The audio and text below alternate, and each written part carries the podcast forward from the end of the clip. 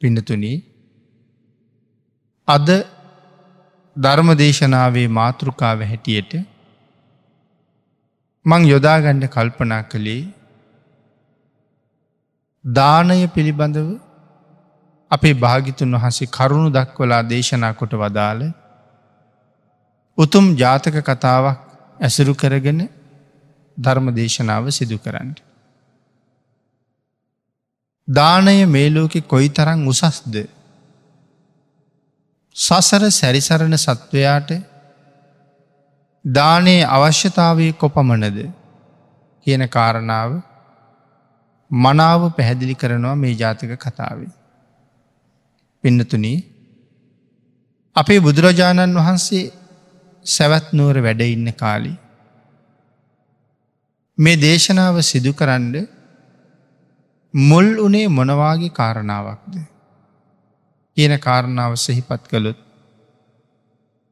එක තරුණ ගෘහපති පුත්‍රයෙක් බුදුරජාණන් වහන්සේ ඇතුළුව මහරහතන් වහන්සේලා පන්සීයකට ආරාධනාවක් කළා ස්වාමීණී මට අනුකම්පා කරලා අහවල් දවසි මගේ දානය භාරගණ්ඩ වඩින්ඩ කියලා.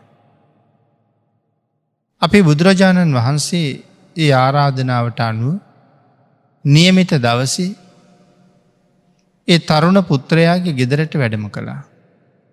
නිවස ඉදිරිපිට විශේෂ මණ්ඩ පහදලා බුදුරජාණන් වහන්සේටත් මහා සංගරත්නයටත් දම් පූජා කළා.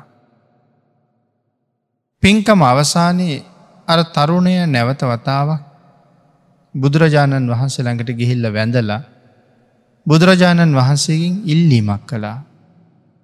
ස්වාමීණි භාගිතුන් වහන්සේ අද ඉඳලා දවස් හතක් එක දිගටම මගින් දාන පිළිගණ්ඩ බැරිද කියලා. ඒකටත් බුදුරජාණන් වහසේ කැමැත්ත දුන්නා. ඔවුන් සංසාරය කොයි තරම් පින් කරලා තියෙන් නැද්ද. එක දිගට දවස් හතක් බුදුරජාණන් වහන්සේට දන් දෙෙන්ඩේ. දම්ම දායාද ආදී සූත්‍රවල පැහැදිලි කරලා තියෙනවා පින්නතුනි භාගිතුන් වහසට දානවේලක් පූජා කරන එක කොයි තරං අමාරුද කියලා. බුදුරජාණන් වහන්සේ යම් තැනකද වැඩඉන්නේ. භාගිතුන් වහසේ වැඩඉන්න අවට සමහරලාට යොදුන් ගණන් ප්‍රදේශවල. කරත්ත සිය දස් ගණන් නතර කරලා තියෙනවා කියල කියන්න. මොකක් සඳහාත. දන්දෙන්ඩ බඩු අරගෙනාපු කරත්ත. මේ සිටු මැති ඇමතිවරු තවත් නොයෙක් රජවරු ආදිය මේ බඩු බාහිරාදිය රථවල පටවගෙන බලාගෙන ඉන්නේ තමන්ට දානයක් දෙන්න අවස්ථාවක් එනකං. සමහර අය මාස ගනම් බලාගෙනන්නවා. ඒ අතරේ බුදුරජාණන් වහසේ කොහැරි වඩිනවන මේ රථටිකත් පිටිපස්සෙන් යනවා. අපි මේ දේවල් වැඩි කතා කරන්න නෑනේ. භික්‍ෂු මහා සංගරත්නයත් එක්ක භාගිතන් වහසේ වඩිනවා කියල කිය හම ඊට පිටිපස්සෙන් මේ රථ පේලියත් එෙනවා. බුදුරජාණන් වහසේ කොතනද නතර වෙන්නේ එතනදි දං හදල පූජ කරන්න හිතාගෙන යෙන්නේ. ඉතින් එහෙම ගියත් පින්නතුන සමහර වෙලාවට අවස්ථාවක් නෑ. ඒ තරම්ම දන් දෙෙන්ඩයි ඉන්නවා. එක බ්‍රාහ්මණයෙක් සෑහෙන කාලයක් බුදුරජාණන් වහන්සේට දානයක් දෙන්න බලාගෙන හිටිය. අවස්ථාවාවෙනේ. ඊට පස්සේ තීරණය කළා දැනට ලැබෙමින් තියෙන දානවේලට අඩුපාඩු දේවල් ඇති. මං ඒක හොයල බලලා එහෙමවත් දෙනවා කියලා. දවස් ගානක් බුද්ධ ප්‍රමුඛ මහා සංගරත්නය දංවලඳලා ගියාට පස්සේ අර ඉතුරු ඉඳුල් ආහාර දාන භාජනය මොහු අවුස් අවුස්ස බලනවා. සිටුවරය. මොනොද මේ ඉඳුල් භාජනය අවුස් අවුස හොයන්නේ. මේ දිනවල ලැබුණේ නැති ආහාරවර්ගයක් තියෙනවාද කියල බලන්න. ආං එහෙම කරගෙන යනකොට ඔහුට වැටහිච්ච දෙයක් තමයි කැඳ ලැබෙන්නේ බොහෝම අඩුවෙන් වගේ. එනිසා මං කැඳදානයක් දෙන්න ඕන කියලා හිතුවා. අග්‍ර උපස්ථායක ආනන්දයන් වහන්සේට ඒ ගැන මතක් කළා. බුදුරජාණන් වහන්සේගෙන් අහලා උත්තරයක් දෙන්නම් කියලා කීවා. පිඩතුනේ බුදුරජාණන් වහන්සකින් ඒ කාරණාව ඇහුවට පස්සේ අපේ බුදුරජාණන් වහන්සේ කැඳ දානයක් පූජා කරන්න අනුමත කළා. එදා ඉඳල අද දක්වාම අපි කැඳ වර්ග පූජ කරනවා. අපේ බුදුරජාණන් වහන්සේ කැඳ දානයෙන් ලැබෙන ආනිසංස දහයක් දේශනා කළා. පිතේ සාකච්ඡා කරන්න හැදුවේ සිටු මැති ඇමතිවරු පවා දං වේලක් පූජා කරගන්න මාස ගණන් පිටිපස්සෙන් ඇවිදින වනන්. එකම පුද්ගලයකුට එක දිගටම දින හතක් බුදුරජාණන් වහසේ අනුග්‍රහ කරනව කියල කියන්නේ ඔහු සංසාරි කොයි තරම් පින් කරන්න ඇද්ද. ඉතින් මේ තරුණ පුතාගේ ආරාධනාව භාරගත්තා දවස් හතක්ම ඒ නිවසින් භාගිතුන් වහස දං වැලඳවා. දං වලඳලා අවසාන දවසේ ධර්මදේශනාව කරන වෙලාවේ මේ දානය ගැන භාගිතුන් වහසේ බොහෝසේ ප්‍රසංසා කළා. සිටපුත්‍රයා දුන්න දානය ගැනමන මේ දානය මේ ලෝකෙ කොච්චරං වටිනවාද කියලා. ආගේ ප්‍රසංසාවෙන් පස්සේ භාගිතුන් වහස දේශනා කළා මහනෙන පෙර පණ්ඩිතයෝ ඇඟ මස් පවා දන් දුන්න කියලා. ඒ තරම්ම දානය වටිනවා. ඇඟ මස් පවා දන්දීල තියෙනවා කියලා. මේ කාරණාව සඳහන් කරහම භික්‍ෂූන් වහසලා ආරාධනාවක් කළා ස්වාමීණි ඒ ඇඟ මස් දන්දීපු කාලි කොහොමද කියලා දේශනා කරන්න කියලා. ආංගේ ඉල්ලීමට අනුව තමයි සස කියන ජාතක කතාව බුදුරජාණන් වහසේ දේශනාකොට වදාලි. ඒ උතුම් ජාතක කතාවෙන් තමයි ධර්ම කාරණා ටිකක් අද සාකච්ඡා කරමු කියල හිතුවේ. මහබෝසතාණන් වහන්සේ නියත විවරණයෙන් පස්සේ සමහරාත්මවල තිරිසං උප්පත්තියක් ලබනවා. උපදින්නේ නැති තැන් අතර අටමහ නිරය විශේෂයි. නියත විවරණයෙන් පස්සේ අටමහනිරේ උපදින්නේ නෑ ගැන මහනිරේක උපදින්නේ නෑ. ඔසුපත් නිරේවල උපදිනවා. සුළු පටු දුකක් නෙමෙයි තියෙන්නේ. එවන් නිරේවල් වල උපදිනවා. තවත් නූපදින තැන් කීපයක් පැහැදිලි කරනවා. ප්‍රේතලෝක උපදින්නේ නෑ අසුරලෝක උපදින්නේ නෑ ස්ත්‍රී භාවයක උපදින්නේ නෑ මෙහෙම පැහැදිලි කරන කරුණු තියෙනවා. එමන තිරිසං ආත්මික උපදින්නේ මොන හේතුව නිසාද. ඇත සමහර වෙලාවට අපි සඳහන් කරනවා සීලය කෙනෙක් උපදින තැන තීරණය කරනවා දානය ඉපදුනාට පස්සේ ලැබෙන දේ තීරණය කරනවා. එතකොට බෝසතාණන් වහන්සේ තෙරිසංආත්මයක ඉපදුනේ සිල් මදි වුනාද සංසාරී එල අපට හිතන්න පුළුවන්. නමුත් එහෙම නෙමෙයි කියල සඳහන් කරනවා. මේ තෙරිසංගත සත්වයන්ටත් අනුග්‍රහ පිණිස තමයි තෙරිසංගපාය උපදින්නේ. ඇතු පින් මදි නිසා හෙම නෙමෙයි. සිල් නැති නිසා හෙමත් නෙමෙයි. අනුග්‍රහ පිණිස. ඉතින් එහෙම තිරිසං සත්තුන්ට අනුග්‍රහ පිණිස තිරිසං අපාය උපදින කාලික තමයි මේ සස පණ්ඩිතය වෙලා ඉපදිනේ. හාවෙක් වෙලා ඉපදින. ආත්මයේ තිරිසං නමුත් සිහිය ප්‍රඥාව අඩුවක් නෑ. පින්නතුන මේ කාල මේ සස පණ්ඩිතයන්ට හිටිය යාළුවොත් තුන් දෙනෙ. මේ ජීවිත පවා දන්දුන්න හැටි කියන්න හදන්නේ. එයින් එක්කෙනෙක් දියකාවෙක් ධර්මයන සඳහ කරන මස්කාවෙක් කියලා. අනිත් එක්කෙන හිවලෙක් අනිත් එක්කෙන වඳුරේ. මේ යාළුවෝ තුන් දෙනා නිතරම තමන් එක්කම ඉන්නවා. බෝසතාණන් වහන්සේ මේ යාළුවන්ට නිතරම අවවාද කරනවා. නිතරම අනුශාසනා කරනවා. මෙන්න මෙහෙමයි කටයුතු කරන්න ඕනි කියලා. එක දවසක් සස පණ්ඩිතයෝ ප්‍රාත්‍රී කාලී අහස දිහා බලනකොට දැක්කා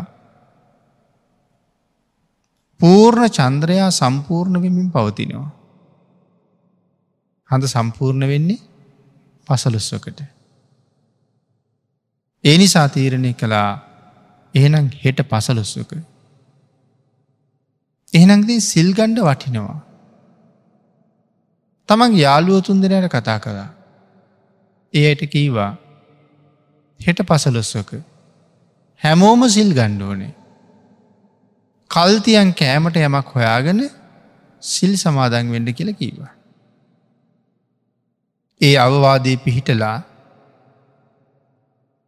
මස්කාව ගියා ගඟට ගිල්ල ගගේ වැල්ලි ඇවිදගෙන යනවා. මාළුවල්ලන මිනිහෙක් රේමත්සියෝ හත් දෙනෙක් අල්ලලා වැලක ගැට ගහලා වැලියට හංගලා පල්ල හැට ගිහිල්ල මාළු බාන්ඩ. මස්කාව වැල්ල දිගී ඇවිදගෙන එනකොට මාළුවල පිළි ගැඳ දැනුණා. ටිකක් කාරලා බලහම මාළුවල තියෙනවා. වැලෙන් හප්පල ඇදල ගත්තා. තුන් වතාවක් අයිතිකාරයට අඩ ගැහුවා.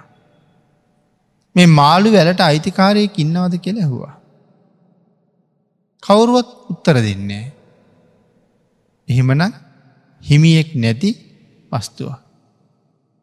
එහෙම දෙයක් ගත්ත කියලා කවදාවත් හොරකමක් වෙන්නේ හොරකමක් වෙන්නේ නෑ. පිනතින සිල් රකින්ඩ දැන ගණ්ඩුවනේ. තමන් රැකිය යුතු සිල්පද ප්‍රමාණය සහ ඒ සිල්පද බිඳෙන හැටි දන්නේ නැත්තං අපිට සිල් රකින්ට බෑනි. එඳ සිල් රකින්ට මනාව දැනගෙන ඉන්ඩුවනේ. දැම් මේගොල්ල මේ දානය හොයාගෙන යන්නේ අකුසලයක් නොවෙන විදිහට. එකයි අඩගහල බැලුව අයිතිකාරයෙක් නෑ හොර හිත නෑ හැම තැනටම හිත ප්‍රධානයින්නේ එනම් හොර හිත නෑ මාළු වෙල අරගෙන ගියා. හිවල හිවලත් දැම් මොනෝ හරි කෑමට හොයනවා. හිවල ඇවිදගෙන ඇවිදගෙන යනකොට හේනක් තිබුණා. හේනෙත් ඇවිදගෙනකට පැලක් තිබුණා. හිවල පැලට ගිහිල්ලා වටපිට බලනකොට පැලේ ඊය රෑට හිටපු කෙනා. අනුභව කරලා ඉතුරු කෑම වගේ තිබ්බා. එතන කිරි මුට්ටියක් තිබුණා. පුළුස්සපු කරවලයෝ දෙන්නෙක් හිටිය. තලගුයි මාන්සයක් තිබුණා. කිරිමුට්ටිය එල්ලගෙන යන්ඩ ලනුවක් දාලක් කාදුවක් හදල තිබ්බා. නරිය ඒ කාදුවට ඇතුළෙන් ඔළුව දාලා කිරිමුට්ටිය බෙල්ලට දාගත්තා. කරවලයොයි තලගොයි මසුයි කටින් හපාගත්තා. අයිතිකාරයෙක් නෑ තමන්ගේ වාසස්ථානයට ගිහිල මේටික තියලා සිල් සමාදන් වුණා. වඳුර අඹගස් දිගේ කැලෑවේ පැනගෙන යනකොට හොඳට ඉදුන ලොකු අඹ ගෙඩියක් දැකලා ඒක ගෙනහිල්ල ළඟින් තියාගත්තා. මොකටද මේ සිල් අරගෙන දවල්ට ආහාරයට. දැ යාළුවෝ තුන් දෙනාම ආහාරයක් හොයාගෙන ඉවරයි. සස පණ්ඩිතයෝ උදේ පාන්දරම සිල් අරගෙන කල්පනා කරනවා බැරි වෙලාවත් අද දවස කවරු හරි මගේ ළඟට ඇවිල්ල කණ්ඩ මොන හරි ඉල්ලුවොත් මොනවද දෙන්නේ. හාව කන්නේ තනකොළ. තනකොළ දෙන එකේ තේරුමක් නෑ මිනිහෙක්කාවුත් මං මොනවද දෙන්නේ. ආං එහෙම හිත හිත ඉන්නකොට සස පණ්ඩිතයන්ට වැටහෙනවා මම මෙදා අරුම පුදුම දානයක් දෙන්න ඕන කියලා. මොකද මේ අරුම පුදුම දානයක් කියලකිවේ. සාමාන්‍යෙන් ලෝක කෙනෙක් දෙන්නේ නැති දානයක් මන් දෙනවා. මම මගේ ශරීර මාසය දන් දෙනවා මයි අද කවුරු හරි දාන ඉල්ලගෙන ඇවිල්ල දන් දුන්නොත් සිල් රකිනවා කියල කීවොත් ම ශරීර මාන්සය දෙනවමයි. පිනති ආංගේ සිතුවිල්ල සක්‍ර දේවේන්ද්‍රයන් වහන්සේගේ පාණ්ඩු කම්බල සෛලාශනය රත් කරන්න තරන් හේතු වුණා. අපි නම් කතාව අහගෙන ඉන්නවා විතරන්නේ. ශරීර මාන්සය දන් දෙනව කියලා අධිෂ්ඨාන කරනකොට අපේ පිනතුන් ටිකා හිතල බලන්ඩ අපිට මුළු ජීවිත කාලෙම මේක ඔස්සේ හිත මෙහෙය වුවත් මේ ඇඟමස් දන් දෙන්න පුළුවන් වෙයිද කියලා. ඒ තරන් ගැඹුරු තැනක් මේ කතා කරන්නේ. ඒකයි සක්‍ර දේවේන්ද්‍රයන්ට පවා දැනෙන්නේ. සක්‍ර දේවේන්ද්‍රව කල්පනා කළා මහ සත්‍යයෝ දාන පාරමිතා වධිෂ්ඨාන කරනවා. මම යන්ඩ ඕනෑ ඔය හිතුවට දෙන්ඩමද කියල බලන්ට. එහෙම හිතලා ඉස්සරලම ගියා දියකාවලග. දියකාව ඇහුවා බ්‍රාහ්මණය කොහෙ දෙයන්නේ. අද පසලොස්සක පොය බව දන්න ඇද්ද. අද සිල්ගණ්ඩ ඕන නේද කෙලෙහවා. තැ බානක මිනිහෙකුගෙන් අහන කතාව පසලොස්සක පෝයට සිල්ගන්නව නේද කියලහනවා. මෙ සත්තු තුන් දෙනා මෙහෙමයි. ඒ ඇන මිනිස්සුන්ට පසලොස්සක එළමෙන්නේ ඇයි ආධ්‍යාත්මික ගුණ ජීවිතය දියුණු කර ගැනීම සඳහාමයි මාසකට එක දවසයි. සමහරලට මාසටම දවස් විසි නමය මාසටම දවස් තිහක් අපි වැඩ කරනවා. මාසිකට දවස් එකක් තමන් වෙනුවෙන් කැප කරගන්න බැරිද. තමන්ගේ නිවන වෙනුවෙන් කැප කරන්න බැරිද මාසිකට දවස් එක. එහෙම හිතල බලහම අපිට අපි ගැන හුඟ දේවල් වැටහෙනවා. දැ සස පණ්ඩිතයෝ තමන්ගේ යාළුවන්ට උපදෙස් දීල තියෙන හැටියට ඒගොල්ලෝ කෑමට මොනවහරි හොයාගෙන සීලෙහි පිහිටලා ඉන්නවා. අර බ්‍රාහ්මණයා හිවල ළඟට ගියහම හිවලත් අර කතාවම තමයි යහුයි. පෝය දවසේ ඇවිද ඇවිදින්නේ සිල්ගණ්ඩ බෑද කියලෙහවා. මටත් කෑමට මොනව හරි ලැබුණොත් මාත් සිල් ගන්නවා කියල කීවා. ඉටවස පෙන්වා ඔතන කරවලයෝ දෙන්නෙක් ඉන්නවා. ඔතන මාන්සයක් තියෙනවා. මෙතන කිරිමුට්ටියක් තියෙනවා. කැමති දෙයක් අරගෙන කැමති දෙයක් කාලා සිල් ගණ්ඩ කියල කීවා. දැම සීලයේ සම්බන්ධයෙන් කොච්චර උනන්දු කරවනවාද. ඉළඟට ගියා එහෙනම් තිබුණාවේ ඒ සේම තිබුණාවී එම කෙළ යනවා වඳුරළඟට. වඳුරත් බ්‍රහ්මණය දැකළ හනවා පසලොස්සක දවසේ සිල් ගන්න කල්පනාවක් නැද්ද කියලා. බ්‍රාහ්මණය කියනවා කෑමට දෙයක් මටත් තියෙනවනං මමත් සිල් ගන්නවාද කියලා. වඳුරයිට පස කල්පනා කළා මංගාව තියෙනවනි දානයක් මං එක දෙනවා කියලා. ඒ අඹ ගෙඩියේ අඹගෙඩිය දක්වලා කීවා මේ අඹගෙඩිය වලඳලා සිල් ගණ්ඩ කියලා. ඒ තරම්ම සීලයේ උනන්දු කරවනවා. එයත් එහෙමම තබාවා කියලා මතක් කරලා යනව සස පණ්ඩිතයෝගාවට. සස පණ්ඩිතයෝ බ්‍රාහ්මණය දැකලා ගොඩක් සතුටු වෙලා ටිකක් කතාබහ කරලා බ්‍රාහ්මණයකින් අහනවා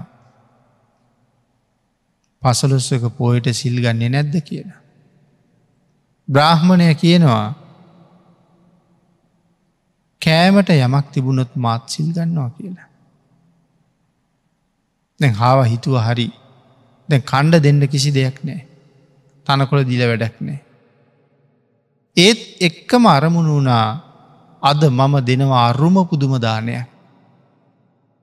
මොහු සිල් ගන්නවනං අද මොහුට මං මගේ ශරීර මාන්සය දෙනවා කියල හිතුවා. එක තමයි දානී. මේක නිසාම තමයි සක්‍ර දෙවේන්ද්‍රයෝ ආවි. පිනතුනි ශරීර මාංස දෙනවා කියල සඳහන් කරහම්. අර බ්‍රහ්මණය කියනවා. හොඳයි. කොහොමද දෙන්නේ. සස පණ්ඩිතයෝ කියනවා. යන්ඩ මහා ගිනි මැලයක් දල්වලා එන්ඩ. ගිනි මැලය දල්වලා ගිනි දැල් නගින් නැතිකොට දුමාරය නැතිකොට මට කියන්ට. දැන් ගින්දරේ එහෙම අවස්ථා තියෙනවද පිඩිසන එහෙම අවස්ථාවක් තියෙනවා තනිකරම අඟුරු විතරක් තියෙනකොට. දුමක් නෑ ගිනි දැලුත් නෑ නමුත් ගින්දර තියෙනවා. ආං එහෙම වෙලාවට වෙල්ල මට කියන්න කීවා. පින්නතුනේ ඊට පස්සේ මේ බ්‍රාහ්මණය විසින් දරකොටන් ගෙනල්ල දාලා විශාල ගිනිමැලයක් හදල කොටන් ඇවුලුනාට පස්සේ හොන්දට අංගුරු බැහැලයි තියෙන්නේ. දිලිසෙනවා හුළඟට. ඇවිලකිව හරි දැන් අඟුරු බැහැල තියෙන්නේ. සස පණ්ඩිතයෝ ළඟට ගිය. කල්පනා කළා ලෝතුරා සම්මා සම්බුද්ධ රාජ්‍ය වෙනුවෙන් මගේ දාන පාරමිතාව එක පියවරක් අද යළි පූරණය කරන්නයි යන්නේ. මා මේ සිද්ධ කරගන්න උතුම් කුසලය සර්වඥතා ඥානය සඳහාම හේතුවේවා. එහෙම අධිෂ්ඨාන කරලා පිනතුන සස පණ්ඩිතයෝ බ්‍රහ්මණයට කියනවා මම දැන් මේ ගිනිගොඩට පනිනවා.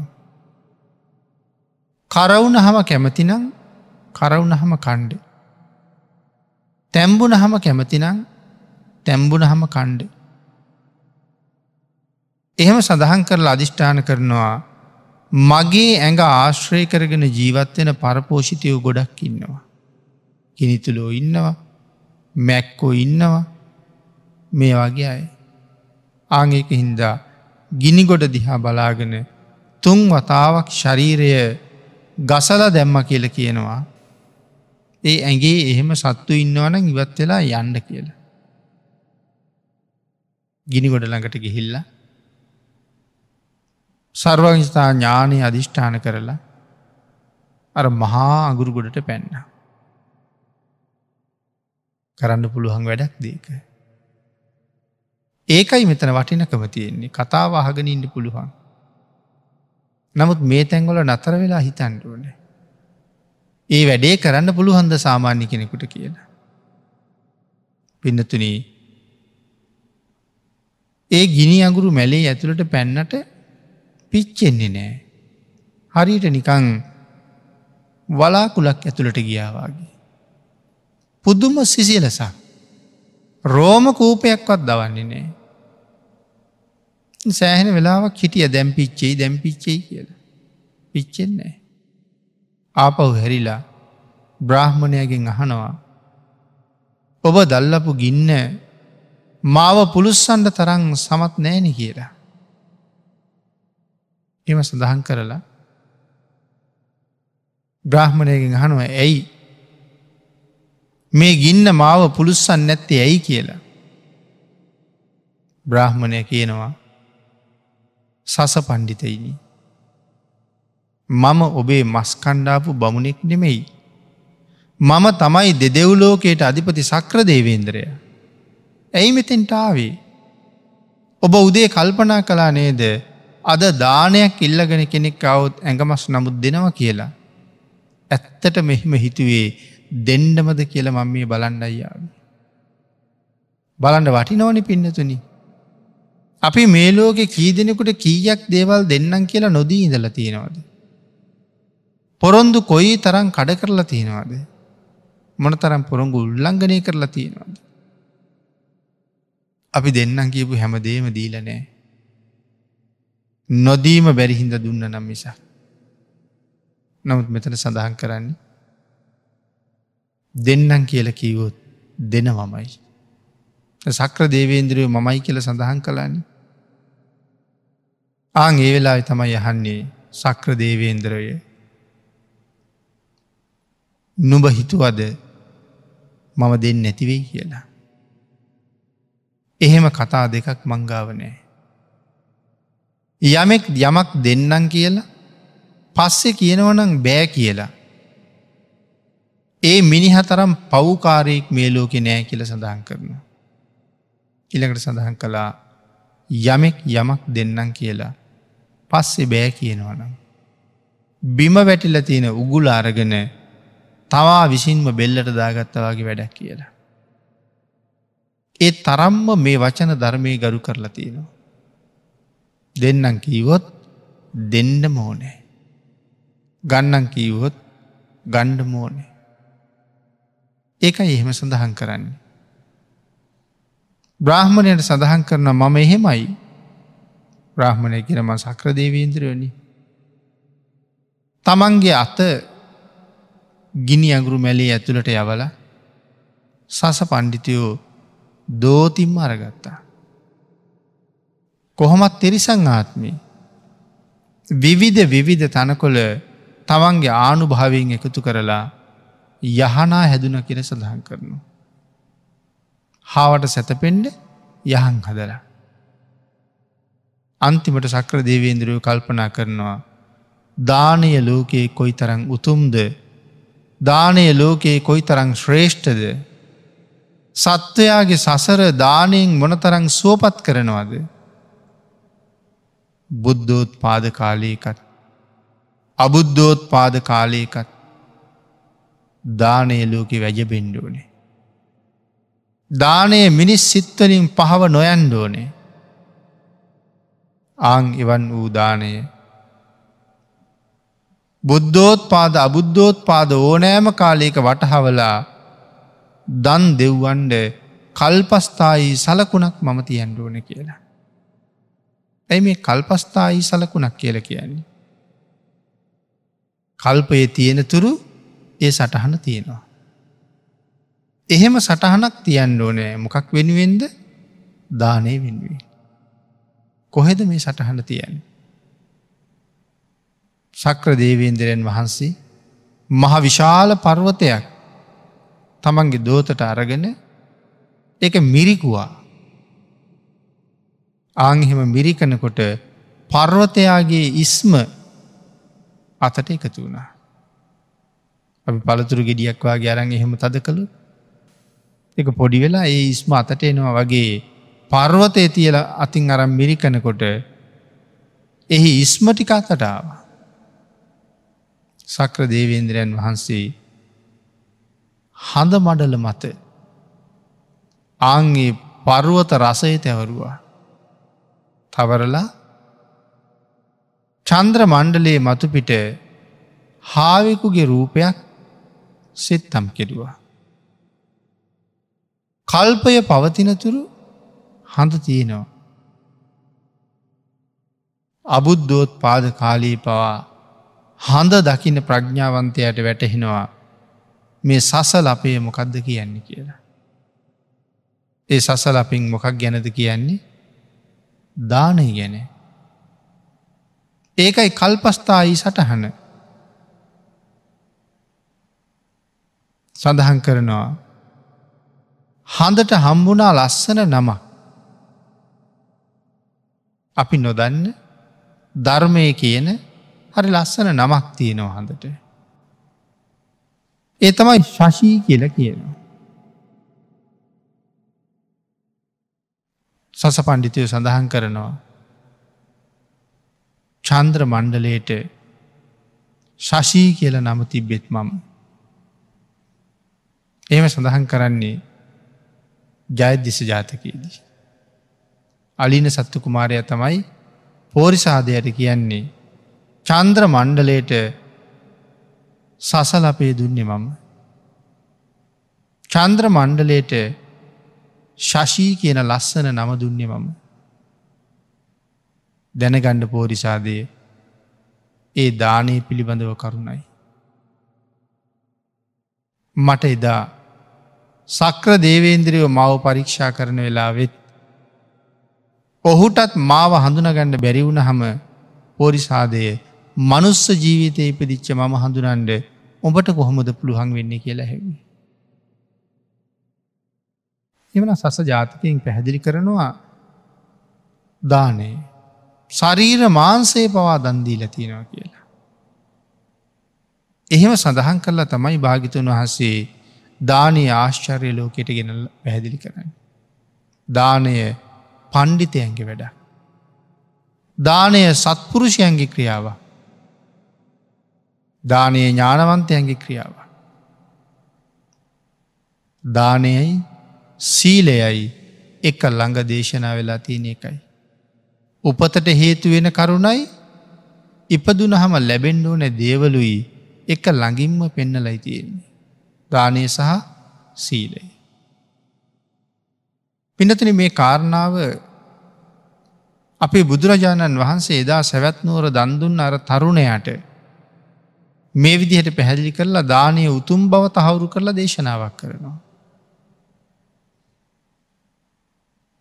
චරියා පිටක අත්ත කටාව මහබෝසතාණන් වහන්සගේ මහ ගුණය මේ ජාතක කතාව යටතේ විශේෂයෙන් පැහැදිලි කරන්න කියලා කරුණු දක්වනවා.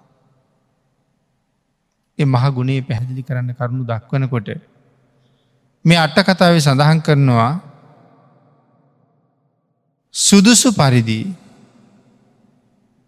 මේ කාරණාව පැහැදිලි කරන්න කියලා තිරිසං උපතක් ඇතත් කුසල ධර්මයන් අකුසල ධර්මයන් මනාව වැටහි.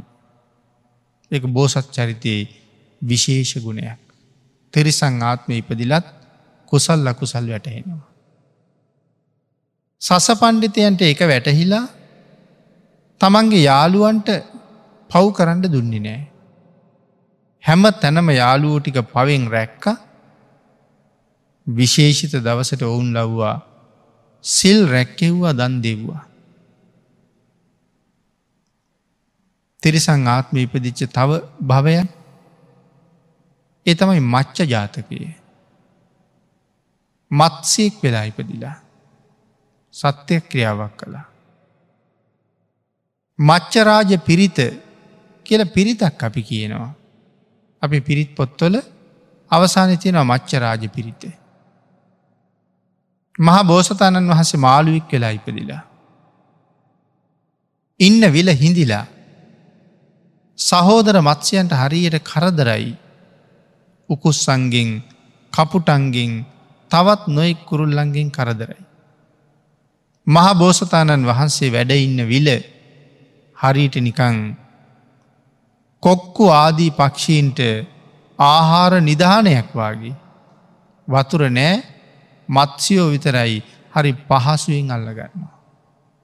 මඩ යට ගිහිල්ල ඉන්න මත්සියන්ට අර දිග හොටෙන් යකඩ උලෙන් ඇන්නවාගේ ඇනල විශාල මත්සියෝ ගොඩට අරගෙන දඟලද්දිින් ඇඟමස් කඩ කඩා කනවා. එතකොට ඥාති වර්ගයට වෙලා තියෙනෙ ලොකු විපත. ආං ඒක නිසා සත්‍යක්‍රියාවක් කළා. මම මේ මත්සය ජාතිය ඉපදිච්ච දවසිඳලා අද දැන් මේ මොහොත වෙනකම්. මම කිසිම සතෙකුගේ දිවිතොර කරලනෑ. ලොකු මාළුන්ගේ ආහාරය පොඩි මාළු. නමුත් කවදාවත්ම මත්සේක් ආහාරයට අරගෙන නෑ. ඒ බව සත්‍යයි වහාම වැහි ලැබේවා කියලා දිෂ්ඨාන කළ. ඒ කාරණාවත් සක්‍ර දේවේන්ද්‍රයන්ට දැනිලා විශේෂයෙන් වලාහක දෙවියන්ට කතා කරලා කියනවා. බෝසතාණන් වහන්සේත් වලාහක දෙවියන්ට කතා කරනවා. මම කවදාවත් ප්‍රාණගහත නොකළ බව සත්‍යයි එම්බා පජ්ජුන්න දෙවියනී වහාම ධාරානිපාත වැහි වැටෙන්ඩ සලස් වන්ඩ කියලා. සඳහන් කරන වලා පටල දෙකක්. දෙපසින් ඇදගත්ත වැහි වලාහක දෙවියෝ. ඒ වලා පටල පොරෝගනය ගමන් කලා කියලා. ගොරව ගොරෝ ධාරානිපාත වැහිවෙක් කෙරෙනවා. විල සම්පූර්ණයෙන් ජලයෙන් පිරුණ. කොක්කු උකුසු ආදීන්ගේ ආහාර නිධානය ඔවුන්ට අහිමි වුණ. නමුත් තමන්ගේ සහෝදර මත්සයන්ගේ ජීවිතය ආරක්ෂා වුණා.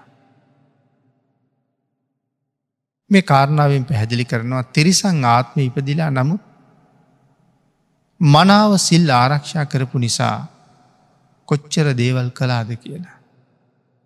සීලයේ ගරු බව දක්වනවා. ඊළඟට පිනතිරි සඳහන් කරනවා ධර්මයත් සීලයත් දානයත් කොයි තරන්නන් අගේ කලාද. තමන්ගේ මිතුරන්ට සීලය ගැන හැම වෙලාම උපදෙස් දෙනවා. එදත් සඳහන් කළේ සිල් රකින්ඩ සිල් මත පිහිටලා දානෙකුත් දීගන්න කියලා. පසලොස්සක දවසි.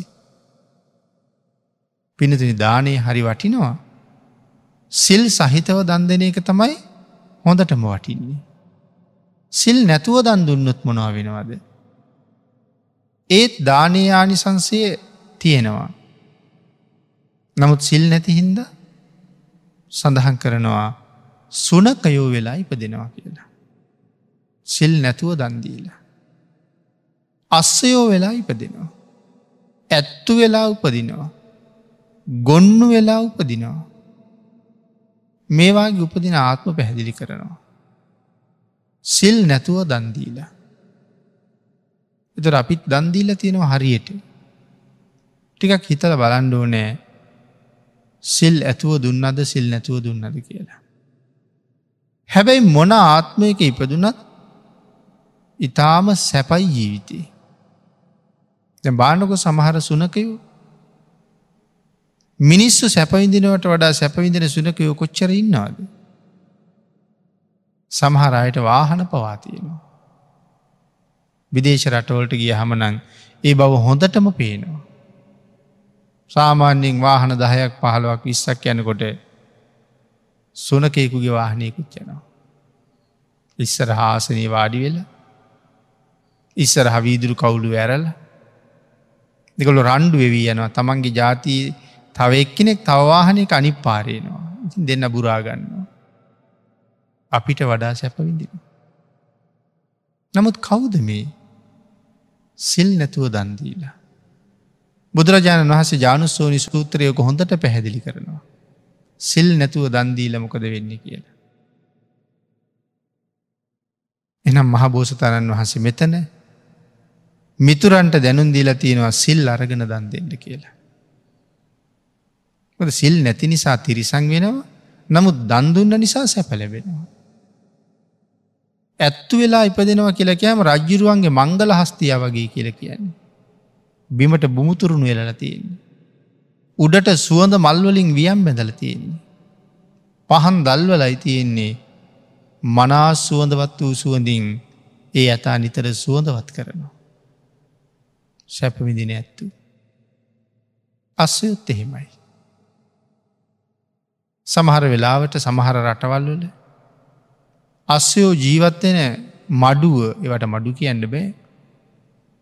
එවන් තැන් හරියට අපේ රටේ තියෙන උසස්ම පන්නේ ආපන ශාලාවාගේ ඔය මැද පෙරදිගස්සයෝ ජීවත්වෙන තැන්. එංගලන්තෙවාගේ රේස් දුවන්ට පාවිච්චි කරන අස්සයෝ සසර කොච්චර දන්දීල ඇති එ තරම්ම සැපයි. පින්නතින මොන තරං සැප ලැබුණත් වැඩක් තියෙනවද? ජීවිතය තිරිසා. අං ඒක නිසා යම් සීලයක පිහිටලා දෙන දානයක් වෙද්ද ඒක ඉතාම උත්තරීතරයි. එහෙනම් මාබෝසතාණන් වහසේ තිරිසං වෙලත් තමන්ගේ මිත්‍රයන්ට දන් දෙන හැටි ගැන්වා. සිල් රකින හැටි ගැන්වා. මිනිස් සම්පත් ලබන හැටි දේශනා කොට වදාලා. පුුණ්‍ය කර්මයන්හි ආනිසංස දක්වලා සතුටු කරවලා සමාදැන් කිරව්වා. එනිසා තෙරිසං ආත්මත් හරි ශ්‍රේෂ්ඨයි. සත්පුරුෂයි කල්්‍යයාන මිත්‍රයි. එමනං මේ කරුණු දක්වලා ධර්ම දේශනාව කරහම් සැවැත් නූරාර තරුණයා බොහෝම සතුරට පත් වනා. දානය ලෝකයේ කොච්චර විශිෂ්ටද. හඳ මඩල දැකලා අබුද්ධෝත් පාද කාලෙත් මිනිස්සු දන්දෙයි කියල හිතල තමයි ඒ සලකුණ එතන තියල තියෙන. වර්තමානය ඒ සම්බන්ධයෙන් නොෙක් කතා තියෙනවා. සසල අපේ ගැන. නමුත් මේ ජාතක කතාව කවුද අපට කියල දෙන්නේ බුදුරජාණන් වහන්සේනි. එතකොට බුදුරජාණන් වහසේ බොරු කියනවාද. කෙලෙස් කියන පාටක්වත් නෑ. එනම් අපේ ශ්‍රද්ධාව තියෙන්ට ඕනෙ කොතනද කවුරු මොනව කිව්වත් භාග්‍යතුන් වහන්සේ දේශනා කළේ සසල අපේ එතන තිබ්බේ කවුද කියලා. පිනතින මේ කරුණ නමුත් සැක කරනවනං අපිට කවුරු ගැනද සැක බුදුරජාණන් වහස ගැන. ඒ ගැන සැකයි කියල කියන්නේ තාමත් තිසරණය අහිමී කියන එකයි. ද විද්‍යාවන්ට බෑ බුද්ධ වචන වෙනස් කරන්නට. විද්‍යාව කියල කියන්නේ බුදු දහමි වචනය. විද්‍යා උදපාදි කියල භාග්‍යතුන් වහස තමයි මංගල ධර්ම දේශනාවදි මුලින්ම දේශනා කළේ. බුද්ධහගමින් අරගත්ත විද්‍යාවක් කියන වචනය අද බටහිර විද්‍යාව බවට පත්වෙලා තිබුණට ඒ විද්‍යාවෙන් කවදාවත් දහම සංසන්ධනය කරන්න බෑ. එනිසා තිසරණය ආරක්ෂා කර ගණ්ඩත් අපිට හොඳ ප්‍රඥාවක් තියෙන් ඕන කියල හිතින් නැතිකොට. ධර්ම දේශනාවට තියෙන කාලේ නිමා වෙලා නිසා එදත් අදත් හෙටත් දානය ලෝකයේ ශ්‍රේෂ්ඨ නිසා යමෙක් ඉල්ලන්නේද සුළු දෙයක් නමුත් දෙන්න කියල කියන්නේ. සුළු දෙයක් නමුත් දෙන්නට. ඒක ඉතාමුතු. සමහර තැනක දිව්‍යංගනාව මහමුගලන් මහරහතන් වහන්සේට සඳහන් කළේ දෙව්ලවාවි කැකිරි ගෙඩියක් පූජ කරලා කියලා. දෙව්ලවාවේ තිබිරි ගෙඩියක් පූජා කරලා කියලා. අන්තිම ජීවිතයේ කැකිරි තිබිරි පූජා කලාට පෙරජීවිතවල සිලුයි දනුයි හොඳට දීලා සසර කරපු මනා පුරුද්දක් තියෙනවා. අපි දෙන දේ නෙමෙයි පින්නතින වටින්නේ. දෙන වෙලාවෙ හදාගන්න හිත ආගේ හිත හදාගණ්ඩ සෑහෙන කාලයක් පුරුදු කරන්න සිද්ධ වෙනවා. අපි උත්සාහ කරමු ලැබිච්ච අවස්ථාවෙන් දානයයි සීලයයි මනාව ප්‍රගුණ කරන්න. එතකොට උපත සහ ඉපදුනාට පස්සේ ලැබෙන දේ පිරිසිදු වෙනවා දුකක් නැතුව ජීවත්තෙන්ට ලැබෙනවා. එතකොට පින් කරන්න පහසුයි කැමති කැමති විදිහට දෙන්ඩ ලේසී බුද්ධාන්තරයක ලැබිච්ච මනුස්ස ජීවිතය හරි උතුම්. ඒ උතුම් ජීවිතයට මනා සාධහරණයක් ඉෂ්ට කරන්න තුනුරුවන්ගේ ආශිරුවාදයෙන් ශක්තිය දහිරිය භාග්‍ය වාසනාව උදාවේවා කියල ප්‍රාර්ථනා කරමු.